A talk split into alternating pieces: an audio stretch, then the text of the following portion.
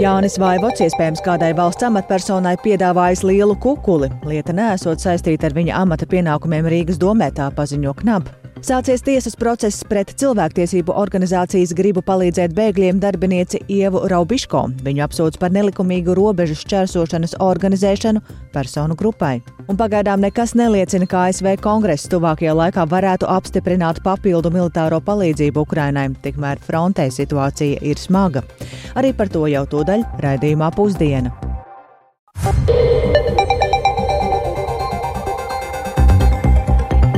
Ir 12,5 minūtes, skanējuma sāk 28. februāra raidījums pusdiena, plašāk skaidrojot šodien būtisko. Studijā Dāca Pēkšēna, esiet sveicināti!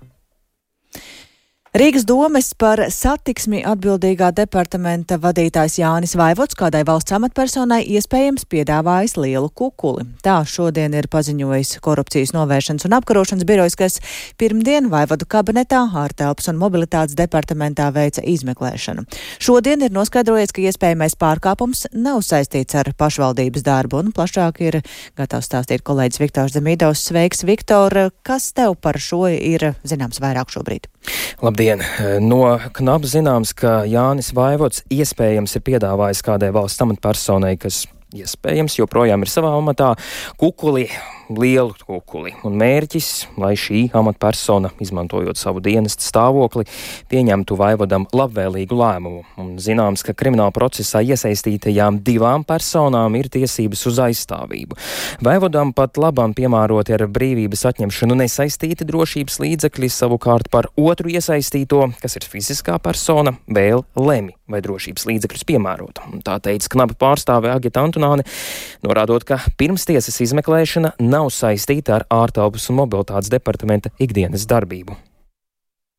Tas nozīmē, ka šis kukuļa piedāvājums nekādā mērā nav saistīts ar attiecīgā departamenta uzdevumu izpildi vai arī šī departamenta direktora pienākumu izpildītai tiešajiem amata pienākumiem. Par cik lielām summām vispār ir runa? Miljoni, simtiem tūkstoši eiro?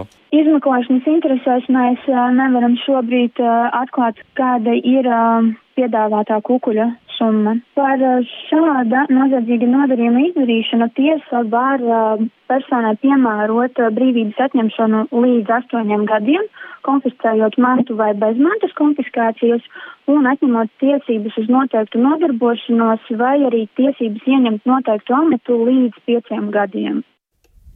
Un krimināla lieta ir sākta 8. janvārī. Kas to lūdzu ierosināt, knaba neatklāja. Taču pēc neoficiālas informācijas uz iespējamiem pārkāpumiem esot norādījusi kāda bijusī amatpersona. Nu, tādas runas klīst aizkulisēs, un pirmdien vaivoda telefons bija izslēgts, taču šodien tas jau ir darbojies, ieslēgts, taču sazvanīt man viņu nav izdevies. Un es arī vērsos par šo lielo skandālu pie opozīcijas frakcijām. Nu, piemēram, progresīvie uzskata, ka nu, nu, tā atbildība ir jāuzņemas, atk viņi atkārto, ka tā atbildība ir jāuzņemas mēram Vilnim Čirsim un Olafam Pulkam, uh, abi no jaunās vienotības, un tad uh, turpina Mārtiņš Kosovičs, frakcijas vadītājs. Es atgādināšu, ka ir aizturēta šobrīd ķirsim ļoti pietuvināta persona. Un tas, ka šis stāsts, kā šobrīd mēs saprotam, visi no korupcijas novēršanas apkarošanas biroja, ir par nozari, kuru vaivots nav bijis atbildīgs, tas tikai parāda to Jāņa vaivoda vērienu un ietekmi. Mēs tomēr aicināsim arī ģenerālu prokuratūru un valsts kontroli veikt pārbaudes Jāņa Vaivoda vadītajā departamentā par visiem šiem vērīgiem infrastruktūras un ceļu projektiem, kas pēdējos trīs gados ir notikuši Rīgā. Nu, Tālūk, Mārtiņš Kosovičs, frakcijas progresīvie vadītājs. Jā, nu pirmdien vēl šajā pašā studijā mēs runājām ar tevi par to, ka domas vadība ir solījusies pret korupciju izturēties ar nulles toleranci un tiklīdz zinās, ko vairāk atbilstoši arī rīkosies. Kā šodien pašvaldība komentē šodienas jaunums. Jā, nu, sniegt interviju atsakās gan Vilnis Čirsis, gan Jānis Lange, un vienkārši atsūtīja rakstisku atbildi.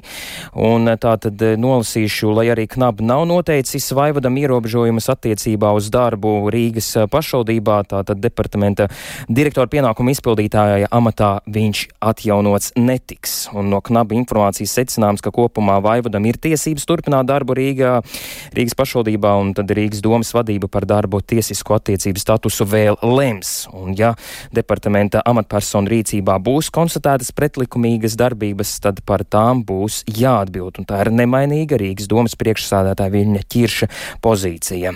Un tā ir arī citāta beigas. Tad arī sakosim šiem notikumiem tālāk.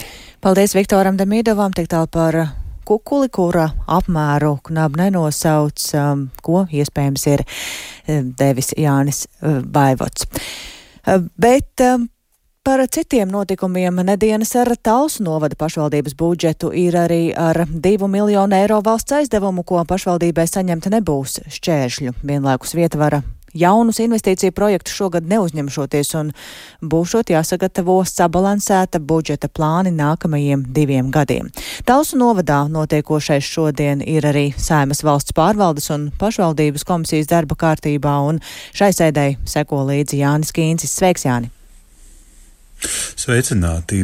Jā, šomēnes kļuva zināms, ka Tautu novada pašvaldības šā gada budžetā izdevumi par vairākiem miljoniem eiro pārsniedz ieņēmumus.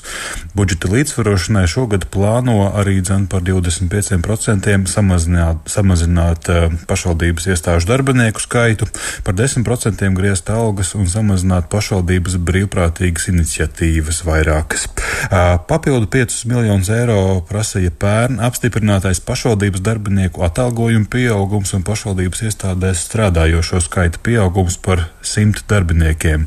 Un šos procesus būtu vajadzējis risināt lēzenāk. Šodien atzīst nesen amatā apstiprinātais Talsu novada domas priekšsēdētājs Andris Āboliņš no Latvijas zaļās partijas.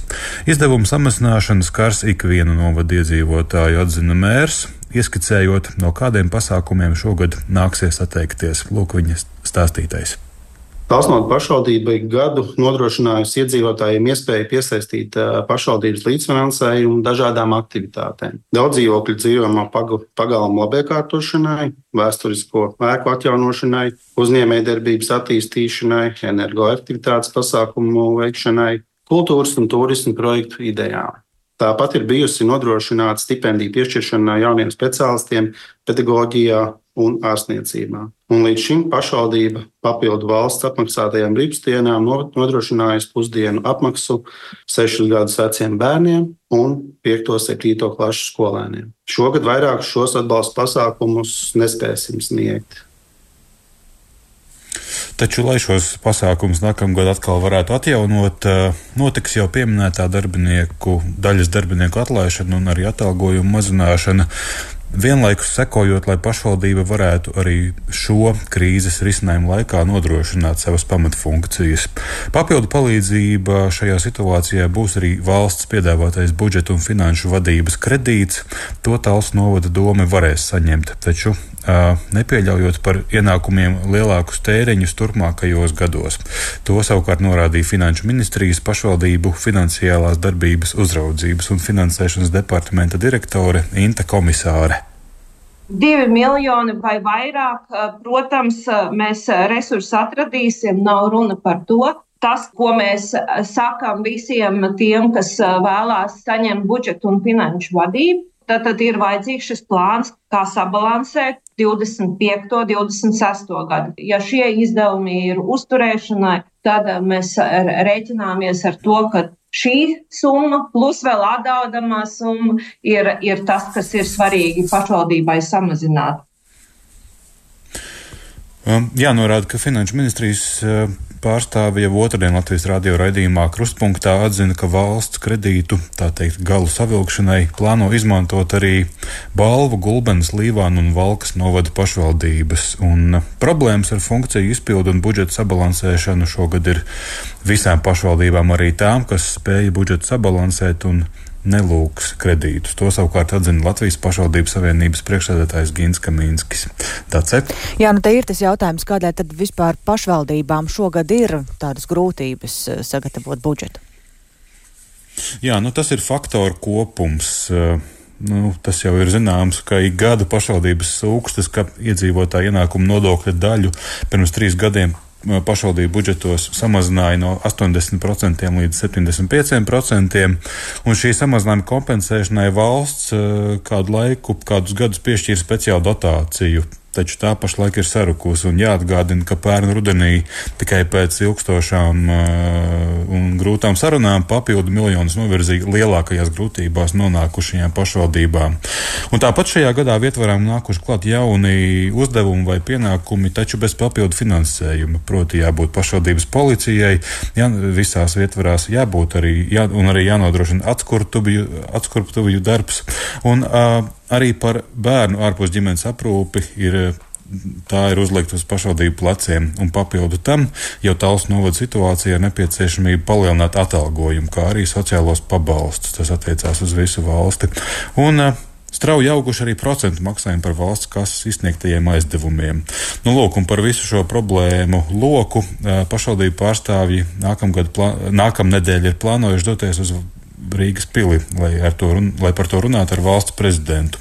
Un plašāka diskusija, plašākā kontekstā par šīm problēmām plānota arī Saimnes valsts pārvaldes un pašvaldības komisijā. Paldies Jānim Kīncim, tas par budžetu Talsu novadā un arī kas sagādā grūtības citām pašvaldībām, bet ir kāds jautājums, kas ir aktuāls visā Latvijā, un tas ir, kā nākotnē būtu jāattīstās Latvijas pastam, kā un vai ir jāmainās pasta nodaļām. Pie kopējiem secinājumiem šodien doma apmaiņā ar iesaistītajiem partneriem cer nonākt gan pasta, gan satiksmes ministrijas pārstāvi. Pēc tam, kad pēc plānotās daudzu pasta nodaļu slēgšanas reorganizācija tika apturēta, ir vajadzīga jauna attīstības stratēģija, un kā šorīt raidījumā labrīt, kolēģi kolēģiem Kristapam Feldmanim un Helīnai Balskarai sacīja satiksmes ministrs Kaspars Briškens no progresīvajiem. Tad šodienas sanāksmē, lai arī visu atbilžu visticamāk nebūs, tomēr gūtie secinājumi būšot pamats jaunajai stratēģijai.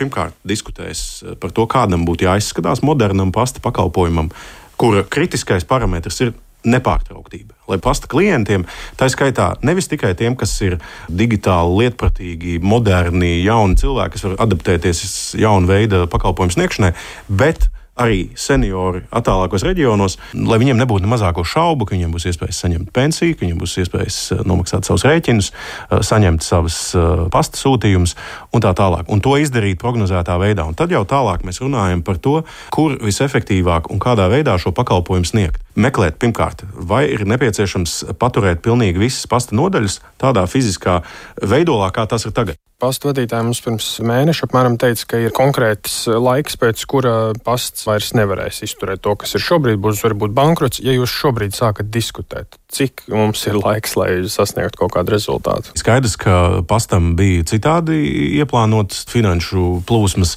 Šajā gadā pasts jau ir informējis gan satiksmes ministriju, gan es tālāk arī valdības kolēģis par to, cik aptuveni maksātu tas, ja pasts turpina uzturēt nodeļas pilnā apmērā vai atsevišķas nodeļas pārvietojot, piemēram, šajos klientu apkalpošanas centros vai bibliotekās.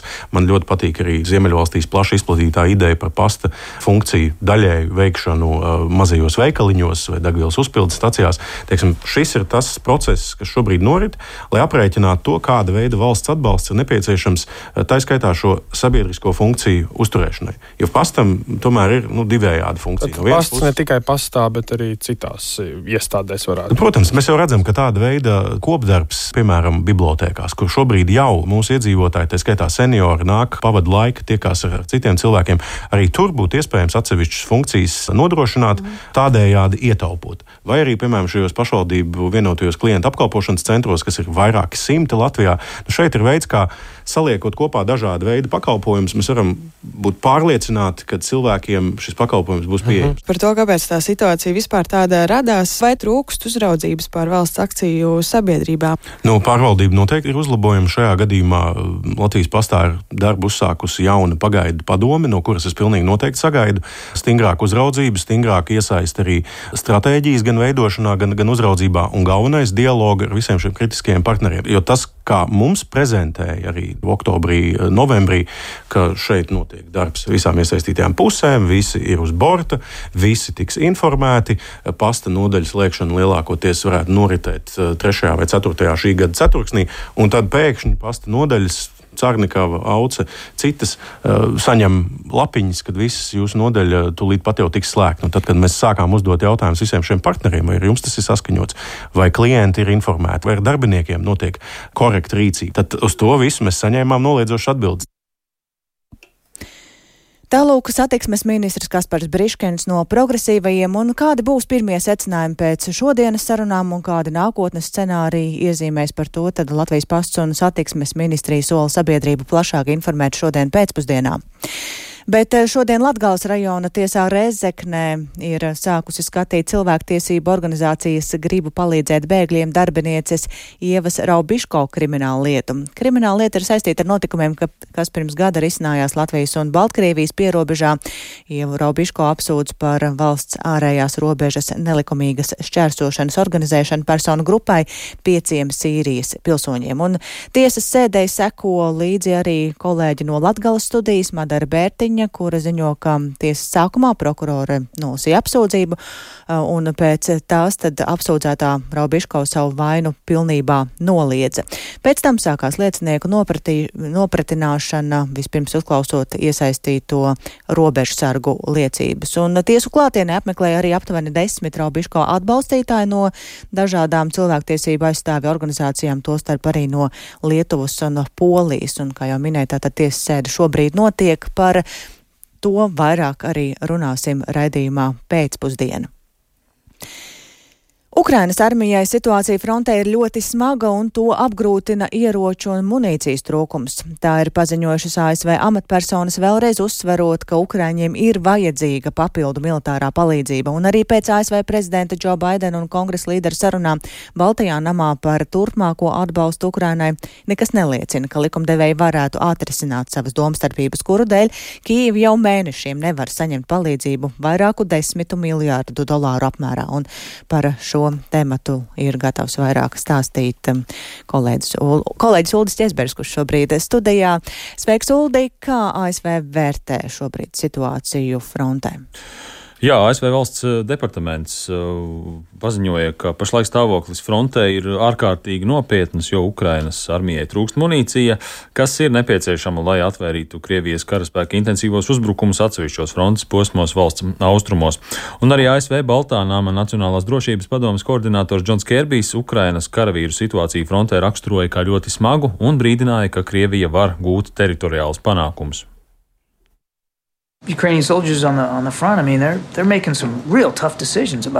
Ukraiņu karavīri frontē pieņem ļoti sarežģītus lēmumus par to, uz ko šaut un ar ko šaut. Viņiem trūkst munīcijas. Viņiem netrūkst drosmes, bet viņiem trūkst patronu. Situācija ir ļoti smaga. Es nevaru pateikt, ka līdz tādam un tādam datumam viņi zaudēs karu, bet viņi sāk zaudēt teritoriju. Teritoriju, ko viņi bija atkarojuši no krieviem, un tagad viņiem tā ir jāatdod krieviem. Ja Ukraina nesaņems palīdzību no ASV, tad ir ļoti iespējams, ka pēc mēneša vai diviem Krievi var gūt lielākus teritoriālos panākumus. Arī Ukrainas prezidents Volodimirs Zelenskis eh, pirms dažām dienām paziņoja, ka bez turpmākas ASV militārās palīdzības Ukraina šogad nevarēs gūt panākumus frontē un būs spiest atdot vēl vairāk teritoriju. Un Kīva ir informējusi Vašingtonu, ka Ukrainai papildu ASV militārā palīdzība ir nepieciešama tuvākā mēneša laikā, tāpēc Zelenskis izteica cerību, ka ASV kongress visdrīzākajā laikā apstiprinās vairāk nekā 60 miljārdu dolāru vērto palīdzības paketi, ko jau, kā minēja, mēnešiem bloķē, mm, un to dara republikāņi. Un eh, palīdzības paketi šomēnes apstiprināja senats, eh, senāts, bet tā vēl ir jāapstiprina arī pārstāvju palātai, kur vairākums ir republikāņiem, un viņi uzstāja, ka ASV prioritāte nav palīdzības sniegšana Ukrainai, bet gan robežas ar Meksiku stiprināšana, lai uh, samazinātu nelegālo imigrāciju. ASV prezidents Joe Baidens vakar tikās ar abu kongresa palātu demokrātu un republikāņiem līderiem, mm, lai mēģinātu panākt, ka beidzot tiek apstiprināta papildu palīdzība Ukrainai. Nu, Baidens pirms tikšanās uh, sacīja, ka kongresa bezdarbība smagi atsaucas uz situāciju frontē.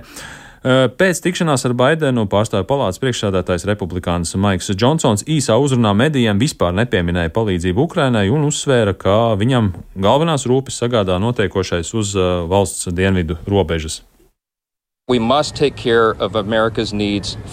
Mums vispirms ir jārūpējas par Amerikas vajadzībām. Kad runājam par Amerikas vajadzībām, vispirms ir jārunā par mūsu atvērto robežu. Katastrofa uz robežas skar ikvienu, un šī iemesla dēļ tā ir visu Amerikas iedzīvotāju uzmanības centrā.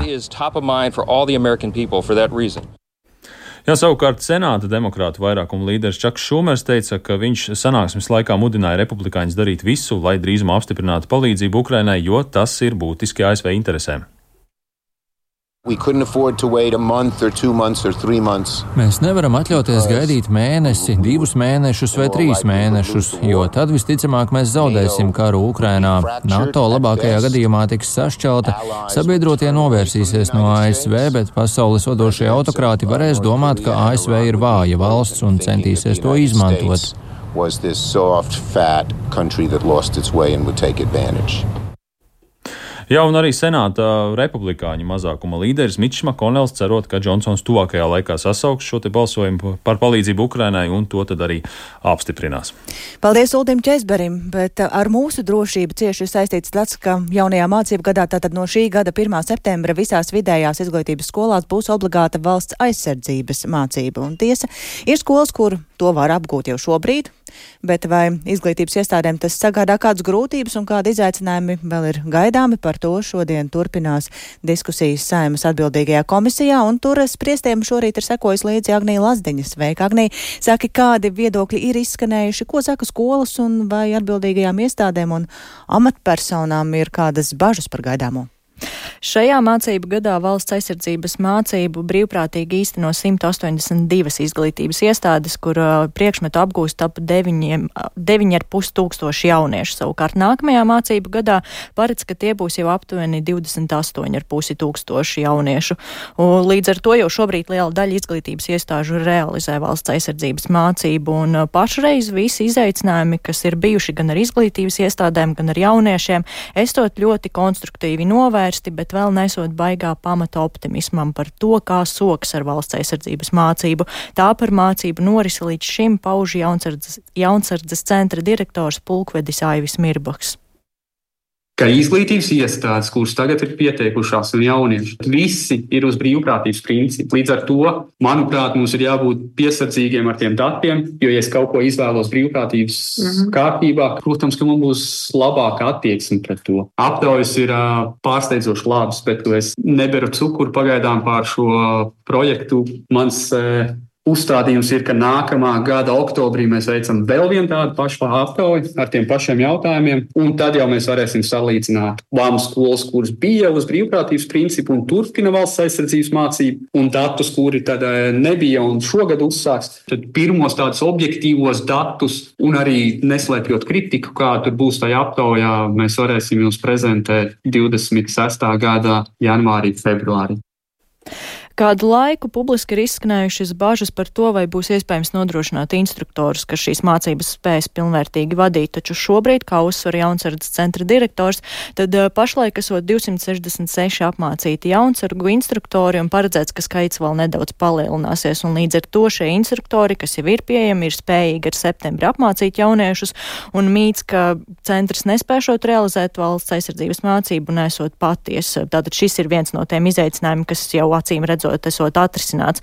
Taču vēl paliek vismaz trīs tādi, teiksim, lielāki izaicinājumi, proti viens no tiem ir saistīts ar mācību slodzi. Aizsardzības ministrija ir vienojusies ar izglītības un zinātnes ministriju, ka sākotnējo 144 stundu programmas vietā tiks realizēta 112 stundu valsts aizsardzības mācību programma, saglabājot visus valsts aizsardzības mācības moduļus, dažus tematus nododot īstenošanai citiem mācību priekšmetiem.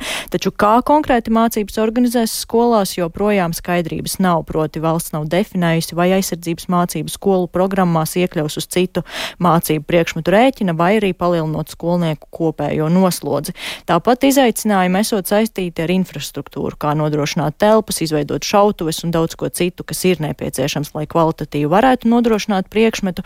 Tiesa komisijas eh, sēdē minēja, ka to visu in risinās individuāli. Un kā vēl viens izaicinājums esot arī tas, kā tad vērtēs šo priekšmetu, vai skolēnam piešķirt ieskaitīts, neieskaitīts, vai arī tomēr atzīmi vai arī vēl kā citādāk. Nu, Saimnes komisijā par to diskusijas bija garas, un līdz marta beigām radušās neskaidrības esot jārisina, un tad jau jāturpina skatīt un diskutēt šos jautājumus tālāk. Paldies, Agnijai Lazdiņai. Runājām par valsts aizsardzības mācību. Tātad eh, no šī gada 1. septembra visās vidējās izglītības skolās tā būs obligāta.